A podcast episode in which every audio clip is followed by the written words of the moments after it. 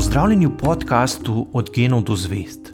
Moje ime je Sašo Dolinc in pripovedoval vam bom zanimive zgodbe iz sveta znanosti.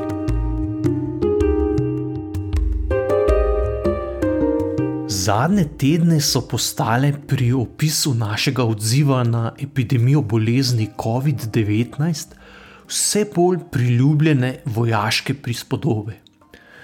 Virus nekateri opisujejo kot tujo sovražno vojsko, ki vdira na ozemlje naše domovine, zato moramo, da bi usiljivca porazili ali vsaj izrinili iz države, za bojevanje angažirati vse razpoložljive sile. Čeprav se zdi, da vojaške prispodobe niso najbolj primerne za opisovanje dogajanja v družbi med spopadanjem z nalezljivo boleznijo, so povsem ustrezne za opis procesov v telesu, ko se začnejo imunske celice boriti proti mikroskopskim siljivcem.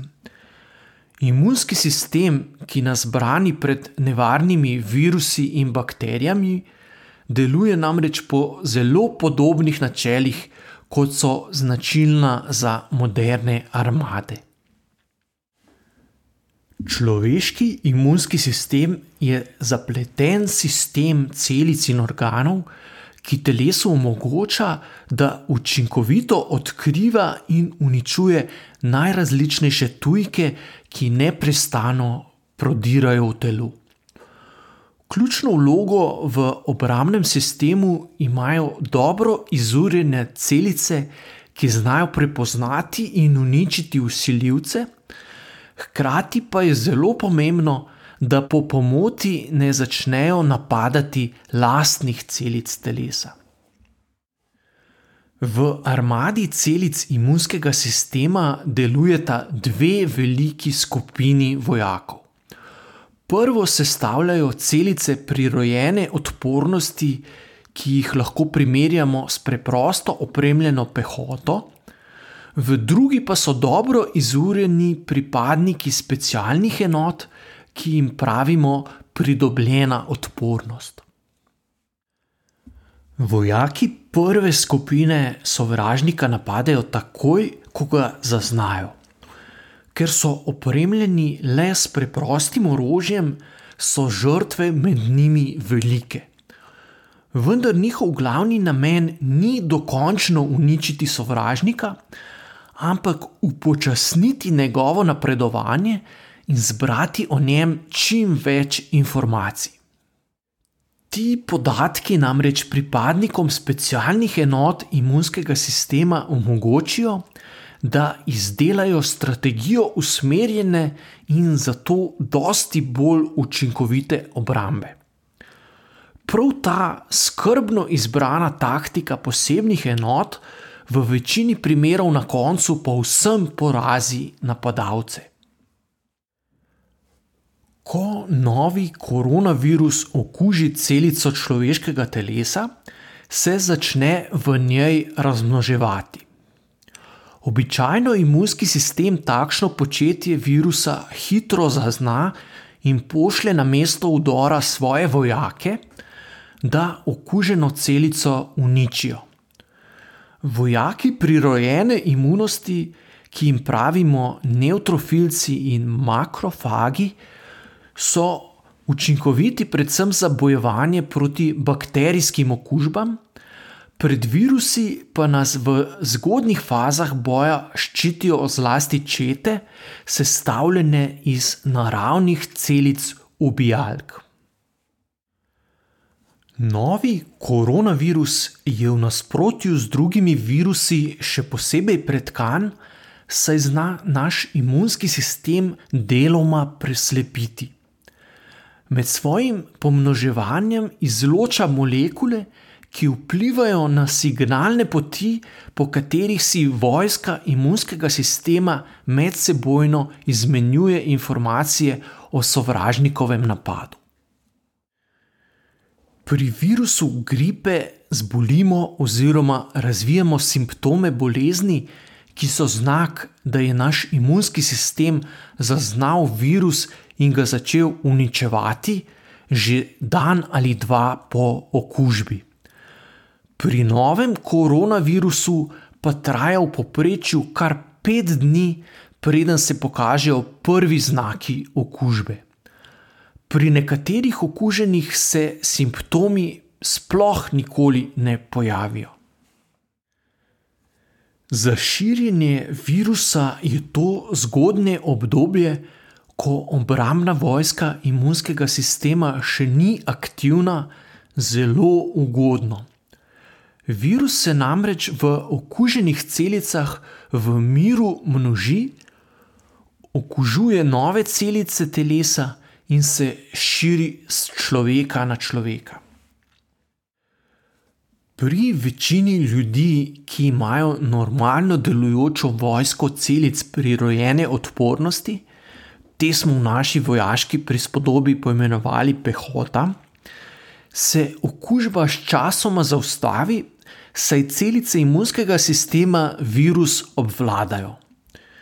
Pri tem, da se bolezen ne razvije v hujšo obliko, je ključno, da pehota imunskega sistema zadrži okužbo pod nadzorom do takrat, ko na bojišče pridejo tudi posebne vojaške enote imunskega sistema, ki jim pravimo pridobljena imunost. Bistvo specialnih enot oziroma pridobljene imunosti je, da zna prepoznati posebne prstne odtise sovražnikov ali antigene in le proti njim uporabiti močno orožje. Za vsak mikroorganizem je namreč značilno, da ima zaradi specifičnih molekul na svoji površini značilen prstni odtis, ki mu pravimo antigen. Posebne enote imunskega sistema v kakem tednu ali dveh po soočenju z novim siljivcem razvijajo posebno orožje, ki zna zaznati in uničiti prav točno določenega sovražnika. Vendar za razvoj takšnega orožja potrebujejo nekaj časa. Najprej, da zaznajo sovražnika, na to pa še, da si izdelajo orožje v dovolj veliki količini. Specialno orožje se začne na to v obliki protiteles sproščati v izvencelično tekočino in potovati proti sovražnikom, kjer se protitelesa vežejo na njihove antigene in jih tako označijo. Na ta način usiljivcem onemogočijo vstopanje v celice telesa ali jih naredijo za tarče celic ubijalk. Pri manjšem deležu ljudi pehoti imunskega sistema žal ne uspe zajeziti okužbe do prihoda specialnih enot. Virus se pri njih že tako namnoži, da celice, ki ga gostijo, ne morejo več normalno delovati, zato začnejo zaradi preobremenjenosti odmirati.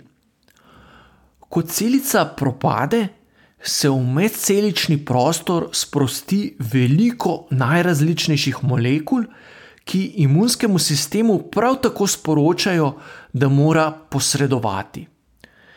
Dela pri takšnem pospravljanju za umrlimi celicami imajo imunske celice seveda veliko, če je okužba obsežna. Če imunske celice, ki pridejo na mesto intervencije, same ne morejo dokončati dela, pokličejo okrepitve. Tako na mesto okužbe prispe še več vojakov, a težava pri tem je, da to zbiranje obrambne vojske vpliva tudi na druge celice v telesu pride do otekanja in v primeru bakterijskih okužb do gnojenja. Če se takšno spreminjanje razmer dogaja na prstu roke, nam oteklina ne bo povzročala večjih težav. V primeru, ko pride do otekline v pljučih, pa je dogajanje lahko bistveno bolj nevarno, saj oteži dihanje. Pljuča si lahko predstavljamo kot spužvasto gobo, ki jo uporabljamo za brisanje šolske table. Če je goba suha, je zelo prožna, ko pa jo namočimo v vodo, postane težka in toga. Enako se zgodi s pljuči, v katerih se začne zaradi vnetja nabirati tekočina. Mišice prsnega koša se morajo v tem primeru vse močneje truditi, da pljuča sploh napolnijo z zrakom, za kar potrebujejo vse več energije in kisika, kar vodi v začaran krog. Pacient začne čutiti, da ne more več dobro dihati, začne mu zmanjkovati zraka. Na rentgenski sliki pljuč se nabiranje tekočine oziroma odtekanje zazna v obliki motnih lis, kar je znak, da se je pri pacijentu razvila pljučnica. Ko se pljučnica razširi, je dihanje lahko že tako oteženo, da morajo bolniku pomagati pri dihanju z dodajanjem kisika. Če je zelo hudo, bolnika priključijo tudi na ventilator. Vendar lahko tudi takrat, ko je pacijent na oddelku za intenzivno nego, bolezen pozdravijo le vojaki njegovega lastnega imunskega sistema. Ti se še vedno borijo z virusom in poskušajo z najrazličnejšimi taktikami ustaviti njegovo napredovanje ter pospraviti opustošenje, ki ga virus pušča za seboj. Mehanska pomoč pri dihanju lahko bolniku pomaga nekako prebroditi čas, ki ga njegov imunski sistem potrebuje, da premaga okužbo. Pri zelo majhnem delu bolnikov se lahko zgodi še nekaj zelo zoprnega. Imunski sistem začne v svojem boju z usiljivci pretiravati. Pomembne signalne molekule, ki usmerjajo vojake imunskega sistema, so citokini. Njihovo izločanje pa, da bi pospešilo pritok vojakov imunskega sistema, povzroči tudi širjenje žil, ki dovajajo okrepitve. Ko so vojaki na bojišču preobremenjeni in se jim zdi, da izgubljajo bitko s sovražnikom, začnejo sproščati signalne molekule, ki pozivajo k okrepitvam. Vendar njihovo sproščanje vpliva tudi na druge celice telesa. Če pride do pojava, ki mu pravijo citokinski vihar, lahko takšen bojni krik telo še dodatno poškoduje. V tem primeru začnejo obrambne vojaške enote zaradi množičnega kričanja v napad povzročati več škode kot koristi.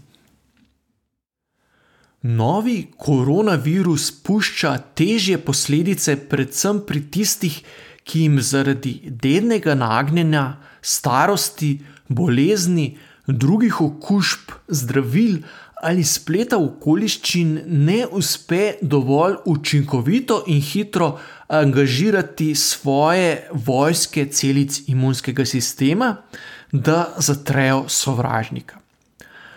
Dodatna težava virusa je tudi v tem, da za svoje razmnoževanje angažira predvsem celice v pljučih. Pljuča so sistem majhnih mešičkov, ki so obkroženi s kapilarami, vanje pa je napeljan zrak. V steni mešička pride do prehajanja kisika iz mešička v kri in oglikovega dioksida iz krvi v mešiček. Tako nastaja izmenjava plinov v krvi, kar nam omogoča, da dihamo. Pljučni mešički so zgrajeni iz dveh tipov celic. Prve so številčnejše in zdržujejo strukturo, naloga drugih pa je, da izločajo posebno sluz, ki olajša proces stiskanja in širjenja mešičkov. Če te sluzi, ki je sestavljena iz več različnih molekul, ni dovolj, se lahko mešički stisnejo in ne opravljajo več svojega dela.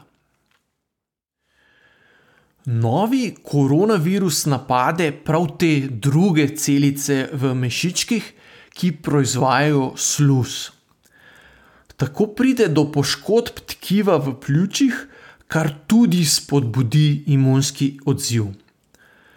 Ko se začne unetna tekočina nabirati v pljučnih mehurčkih, ki so namenjeni izmenjevanju plinov v krvi, dihanje postopoma ni več mogoče, tudi če zrak z ventilatorjem umetno pošiljamo v pljuča pacijenta. Virus tako v telesu onesposobi pomembno oskrbovalno pot, saj začnejo brez ustreznega dotoka kisika v kri celice v telesu odmirati. Ko bomo razvili cepivo proti novemu virusu, bomo lahko svoje specialne enote imunskega sistema že vnaprej pripravili, da bodo znale takoj ob okužbi virus napasti z vnaprej izdelanim, posebno natančnim in učinkovitim orožjem. Cepljenje ni namreč nič drugega kot to, da imunski sistem vnaprej pripravimo na prihod morebitnega sovražnika. Tako lahko spopad takoj pošlje specialne vojaške enote, ki so bistveno bolj učinkovite. Na ta način virus sploh nima časa za tolikšno razmnoževanje v telesu, da bi začel povzročati težave. To je bil podcast Od genov do zvest. Moje ime je Saša Dolence in z novo zgodbo se vam oglasim že k malu.